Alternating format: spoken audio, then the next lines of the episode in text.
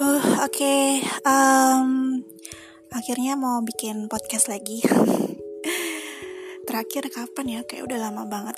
Uh, jadi karena aku lagi berusaha untuk biar isi kepala nggak ngelayap ke mana-mana, jadi mau nyoba konsisten tiap minggu bikin canggu catatan mingguan. yang ceritanya tentang apa aja sih? Nggak nggak kepikiran mau di tema-temain gitu. Uh, pokoknya yang pengen diceritain aja. Nah untuk minggu ini uh, mau cerita soal kejadian di masa SMA pokoknya terkait sama supranatural gitu. Gak nggak ngeri kok. Ini apa namanya biasa aja uh, sebelum cerita kita dengerin lagu dulu kali ya biar relax ciu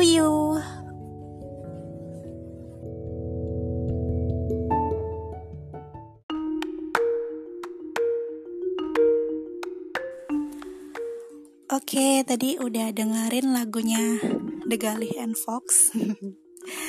Judulnya Hey Yakit. Itu lagu uh, bagus banget sih kalau buat aku biasanya aku setel pagi-pagi gitu uh, karena bisa naikin mood. Uh, karena udah dengerin lagu uh, sekarang saatnya saatnya aku cerita gitu ya soal yang tadi aku bilang. Uh, soal kejadian supranatural waktu aku masih SMA jadi ceritanya uh, waktu itu aku masih kelas 1 SMA kalau nggak salah. Uh, pokoknya masih junior banget di sekolah. Jadi sekolah aku tuh dulu SMA di Sidoarjo. Nah, uh, kan biasanya kalau SMA gitu ada ekskulnya ya macam-macam. Ada paduan suara, ada uh, volley gitu-gitu. Nah uh, aku sama teman aku perempuan jadi kami berdua uh, daftar ke ekskul pencinta alam. Nah uh, waktu daftar itu dikasih tahu kalau uh, kami berdua itu belum belum resmi diterima di dalam ekskul. Jadi jadi harus melewati proses diklat dulu gitulah uh, mesti digembleng dulu gitu intinya. Nah terus uh, jadilah itu selama aku lupa deh kayaknya kayak sebulanan gitu ya. Digembleng jadi digemblengnya tuh bukan disiksa-siksa gitu nggak tapi diajarin kayak seberang kering uh, atau panjat tebing, terus nurunin tebing, terus uh, latihan fisik gitu terus uh, dikasih tahu uh, gimana ngatur barang di tas karier terus itulah diperkenalkan sama uh, peralatan naik gunung. Nah uh, di ujung diklat itu kami uh, kalau nggak salah waktu itu juniornya ada berapa orang ya aku ya? Kayak ada 9 orang 9 sampai 10 orang gitu diajakin naik gunung. Jadi kayak kan udah uh, sebulan nih latihan gitu kan. Nah sekarang saatnya untuk naik gunung. Uh, merasakan langsung gitu gimana naik gunung. Nah mm, waktu itu uh, naik gunungnya itu diajakin naik gunung Welirang gitu. Uh, naik gunung Welirang jadi uh, rencananya tuh naik naiknya tuh dari eh naiknya dari Welirang jadi naik gunung Welirang turunnya di uh, penanggungan gitu. Karena kalau nggak salah gunungnya sebelahan gitu ya deket gitu. Uh, sebenarnya kejadian supranaturalnya tuh bukan pas naik gunung sih. Jadi waktu naik gunung tuh aman-aman aja gitu. Jadi sebelum naik gunung kan dikasih tahu kalian jangan eh, jorok-jorok ya gitu. Terus kalau uh, ada sampah dibuang atau enggak disimpan dulu nanti baru dibuang di bawah gitu. Terus kalau bercanda jangan kelewatan gitu. Pokoknya uh, selama naik gunung itu nggak ada hal yang aneh sih terjadi gitu. Karena anak-anak juga uh, apa namanya ngikutin gitu ya uh, perintahnya senior senior waktu itu. Waktu itu pagi-pagi kok uh, jadi pagi kalau nggak salah naik pagi turunnya uh, esokan harinya kalau nggak salah aku agak lupa. Jadi sempet nginep gitu semalam. Anyway jadi uh, pas naik gunung nggak ada hal yang aneh sama sekali nggak ada lancar-lancar aja.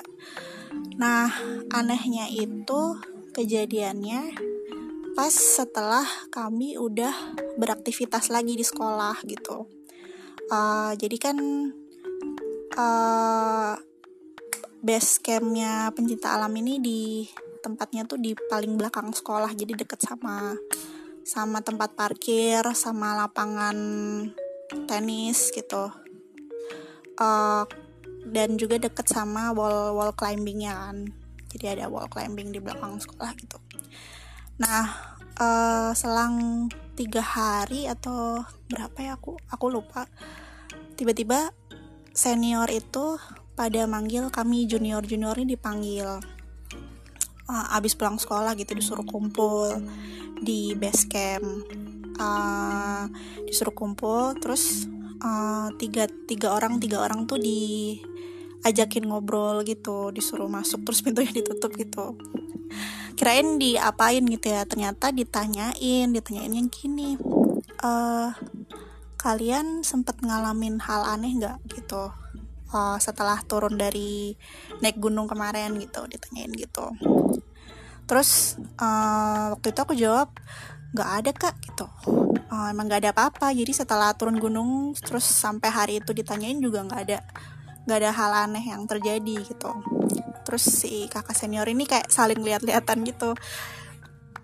Pada oh oh iya ya oke okay, gitu uh, aku juga sama teman aku yang sama-sama junior juga jadi bingung gini ini kenapa ya? gitu.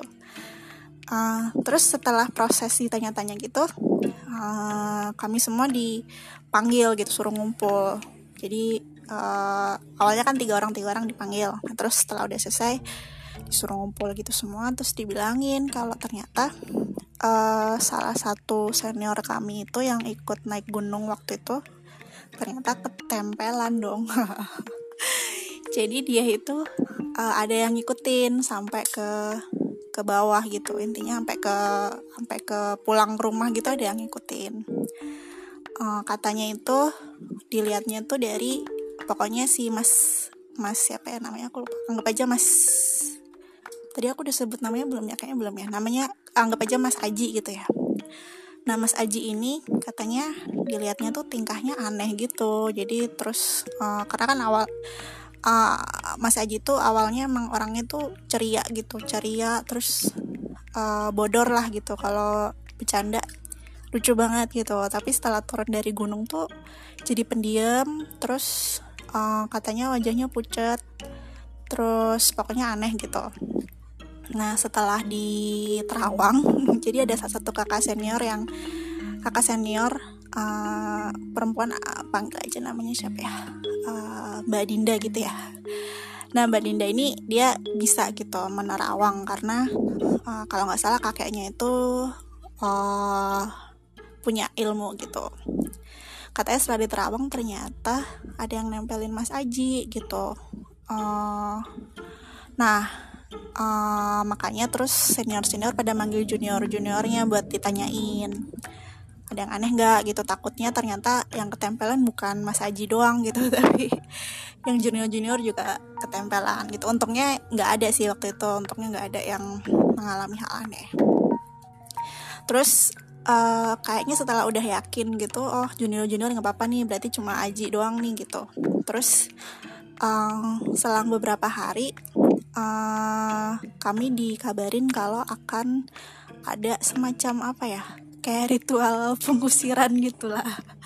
Kayak ritual pengusiran jinnya gitu dari Mas Aji gitu. Uh, kami disuruh dikasih pokoknya dikasih heads up gitu. Uh, kalau pulang sekolah nanti akan ada uh, ritual itu gitu. Uh, dan kayaknya ini si kakak-kakak seniornya juga ngabarin ke guru-guru karena aku ingat banget waktu itu uh, ketika ritual itu terjadi guru-guru itu lihat cuma diam aja gitu. Jadi kayak nggak ada yang eh apa nih apa nih? gitu. Nggak ada yang kaget gitu. Jadi kayak udah pada dikasih tahu mungkin ya uh, dalam kepala aku sih oh kayaknya udah pada tahu gitu. Nah uh, jadi waktu itu dikasih tahu kan uh, kita mau ada ritual gini-gini. Kalian uh, terserah mau mau stay di sekolah atau mau pulang atau gimana pokoknya dikasih tahu aja gitu. Kalau mau stay di sekolah ke base camp aja gitu pokoknya intinya dikasih tahu jangan keluyuran di sekolah gitu. Nah uh, jadi sekolah aku tuh cukup cukup luas ya. Jadi uh, apa namanya? Uh, ya lumayan lah gitu. Nah uh, waktu itu jadi ritualnya itu uh, si Mbak Dinda ini. Uh, jadi aku aku lupa gimana awalnya. Pokoknya aku ingetnya itu uh, aku um, nungguin di base camp. Jadi waktu itu aku nggak pulang. Jadi aku kayak penasaran gitu. Kepo ini gimana ya ritualnya gitu. Uh, aku stay di base camp. Terus uh, aku ngeliat Mbak Dinda eh Mas Aji itu uh, jalan keliling sekolah jadi dia tuh mengelilingi sekolah tapi jalannya tuh kayak bruk bruk bruk gitu. Jadi kayak apa sih kayak kayak Hulk gitu jalannya bruk bruk bruk gitu. Sementara Mas Aji ini uh, perawakannya tuh kurus uh, ceking gitu. Uh, botak botak tuh bukan botak botak gimana ya bukan botak licin ya botak uh, agak botak gitu. Uh, tinggi gitu. Terus dia jalannya bruk bruk bruk gitu keliling sekolah. Jadi uh, mengelilingi sekolah terus mbak Dinda di belakangnya dia gitu ngikutin uh, dengan jarak yang kayak lim lim 3 sampai lima meter gitulah. Eh iya ya pokoknya nggak uh, terlalu deket juga nggak terlalu jauh gitu. Dia ngikutin jalan gitu. Uh, ada kali aku lupa ya Mas Aji itu kayak berapa kali ngelilingin sekolah. Terus uh, pas uh, dia sampai di tempat parkir tuh dia sempet ini apa namanya uh, nendangin motor sampai jatuh semua gitu motornya. Bruk bruk bruk bruk, bruk gitu. Nah waktu itu uh, waktu itulah uh, aku ngerasa oh kayaknya guru-guru udah pada tahu gitu. Soalnya ada guru olahraga yang ngeliat gitu tapi dia diam aja gitu uh, kayak waspada aja gitu. Uh, terus Mas Aji sempat uh, nendangin tuh motor-motor sampai jatuh. Bruk bruk bruk bruk gitu. Terus Mbak Dinda tetap aja gitu kalem gitu ngikutin di belakangnya. Katanya waktu itu Mbak Dinda itu uh, uh, dibantuin sama kakeknya gitu dari jauh gitu. Kakeknya tuh bantuin kasih energi gitulah ke ke Mbak Dinda buat ritualnya gitu. Kakaknya yang punya ilmu itu. Nah terus habis itu uh, setelah putaran keberapa aku lupa. Nggak ngitung juga setelah putaran keberapa gitu. Tiba-tiba uh, si Mas Aji ini berhenti di uh, jadi kan aku tadi udah cerita ya base camp pencinta alam aku tuh di belakang sekolah. Deket sama lapangan olahraga deket sama tukang te, tempat parkir gitu. Jadi ada deket sama satu halaman kosong gitu. Uh, tempat wall climbing kami biasanya latihan di situ gitu terus dia tiba-tiba berhenti gitu dong di tengah lapangan itu. Berhenti dek gitu. Terus mbak Dinda berhenti juga gitu dengan jarak yang sama waktu dia uh, ngikutin Mas Aji gitu. Berhenti dua-duanya berhenti terus uh, tiba-tiba Mas Aji uh, apa namanya ah, Mas Aji berhenti terus Mbak Dinda berhenti juga kan. Terus tiba-tiba Mbak Dinda itu uh, deketin jalan mendekati Mas Aji gitu. Eh Mas Ajinya tiba-tiba ini dong apa namanya duduk terus kayak jongkok gitu jongkok terus habis itu kayak meluk kakinya gitu. Jadi kakinya dua uh, dengkulnya itu dipeluk gitu sambil jongkok gitu. Terus yang aku nggak percaya dengan mata kepala aku adalah Mbak Dinda itu waktu jalan mendekati Mas Aji belum sampai semeter pokoknya belum sampai deket Mas Aji tiba-tiba dia terpental gitu kayak ada kayak ada orang yang narik punggungnya Mbak Dinda terus dia terpental ke belakang Sut gitu terus jatuh bruk gitu. Terus aku bingung hah itu jadi apa ya? Jadi Mbak Dinda itu kayak terbang gitu kayak ada kekuatan yang ngedorong dia ke belakang gitu. Dia terpental akhirnya buk gitu. Terus aku uh, aduh ini aja aku ceritanya merinding ya. Jadi aku waktu itu nontonnya tuh dari jauh kan dari base camp aku depan base camp aku gitu. Sama kakak-kakak senior aku sama ada teman aku juga ikut. Terus kami itu kayak diem gitu ngeliatin itu apa ya? Kayak mungkin di di nggak ada yang ngomong jadi diem gitu. Aku dalam hati ini apa ya? Ini apa ya? Ini kita perlu masuk atau perlu nolong? Kan bingung kan? Kayak takutnya uh, apa kalau misalnya kita nolong ternyata kita kena gitu kan soalnya yang udah didampingin sama ilmu kakeknya kan si Mbak Dinda doang gitu. Terus Mbak Dinda itu sempat uh, kayak ngelihat ke kami yang ada di camp terus kayak ngasih sinyal suruh stay gitu dia aja gitu. Terus habis itu uh, Mbak Dinda berdiri terus nggak uh, tahu apa yang terjadi. Si Mas Aji ini yang awalnya jongkok terus kakinya dipeluk dengkulnya gitu tiba-tiba bruk gitu jatuh. Jadi kayak dia bruk ke kanan gitu jatuh bruk gitu tidur di tanah. Terus baru Mbak Dinda lari gitu ke Mas Aji apa kayak deketin. Terus baru uh, dikasih tahu kalau udah kayak dia kasih sinyal gitu udah udah pergi gitu jadi waktu itu tuh langsung kami langsung wah langsung mendekati Mas Aji terus uh, eh, senior senior pada langsung gendongin Mas Aji masuk ke base camp terus pokoknya uh, di dirawatin gitu. Nah terus waktu itu junior junior di nggak boleh masuk. Jadi uh, yang boleh di dalam base camp dan uh, apa stay di samping Mas Aji itu cuma yang senior senior doang gitu. Terus aku inget banget waktu itu uh, aku lagi karena nggak boleh masuk jadi aku duduk di luar kan duduk di luar. Uh, terus uh, Mbak Dinda itu aku inget banget dia duduk di sebelah kanan aku gitu. Terus uh, aku padahal nggak nanya apa pun gitu ke Mbak Dinda itu tadi kenapa kak? Terus uh, gimana rasanya? Kamu nggak ada nggak ada ngomong apa pun gitu karena lagi masih speechless kan tadi itu apaan? gitu. Terus uh, Mbak Dinda tiba-tiba ngomong gini uh, dek uh, uh, kamu lihat nggak di uh, apa halaman kosong itu gitu. Waktu itu uh, waktunya pulang sekolah jadi kayak jam 2 jam 3 gitu. Terus dibilang uh, kamu lihat nggak di halaman sekolah uh, di halaman kosong itu ada satu keluarga lagi main gitu. Terus aku yang gitu kan. Kenapa nih mbak Dinda tiba-tiba? Gitu kan. Terus aku bilang enggak kak aku nggak bisa lihat aku bilang gitu. Waktu itu waktu itu aku nggak bisa lihat gitu. Terus uh, Mbak Dinda bilang ini uh, uh, apa uh, bagus atau enggaknya uh, uh, perawakan apa ya visual makhluk halus uh, di kita itu tergantung sama uh, hati kita dia bilang gitu.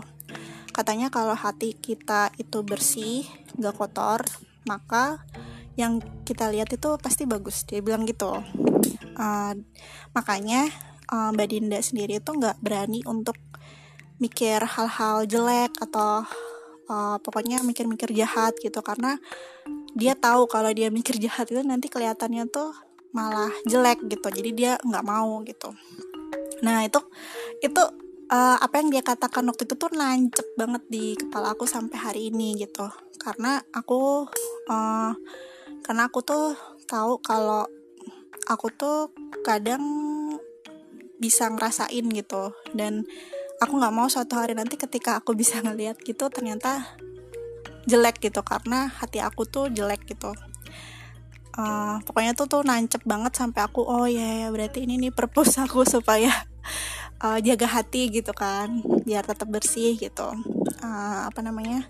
Dan makanya itu juga aku selalu bilang tuh sama teman-teman aku kalau nonton film horor gitu nggak nggak semuanya kayak gitu gitu. Bisa jadi nggak semuanya kayak gitu gitu. Karena apa yang dilihat mbak Dinda gitu dia kayak ngelihat manusia. Dia bilang aduh maaf geleke kan geleke ah. Mbak Dinda bilang dia kayak ngelihat manusia gitu. Jadi bagus gitu ngelihatnya. Uh, kayak ngelihat orang gitu. Terus uh, ya udah setelah setelah itu uh, aku lupa deh kayaknya uh, kami itu yang junior disuruh pulang pokoknya pulang ke rumah terus cuci tangan cuci kaki terus uh, ubun-ubunnya tuh di dicuci juga kepala gitu biar katanya biar nggak ada yang nggak ada yang nempelin gitu. Nah uh, katanya waktu itu emang Mas Haji udah udah clear. Cuma aku inget juga mereka sempat bilang kalau uh, kalau udah sekali bolong ya sekali bolong tuh maksudnya udah sekali kemasukan itu bakal gampang masukkan lagi gitu. Makanya kemarin mereka bikin ritual sebelum Mas Aji itu kemasukan gitu. Karena uh, katanya selama selama Mas Aji bertingkah aneh dan pucat itu sebenarnya dia lagi menjaga dirinya gitu. Jadi kayak agak ngelawan supaya si makhluk halus ini nggak nggak uh, take over badannya gitu gitu sih jadi itu masa SMA yang yang yang menarik sih. Uh, dan aku lupa ya sekarang Berinda sama Mas Aji itu pada ke mana ya? Kabarnya udah lama banget juga sih nggak ketemu. Uh, gitu aja ceritanya untuk hari ini untuk minggu ini deng uh, kayaknya kita dengerin lagu dulu deh. Biar ha gitu ya. Makasih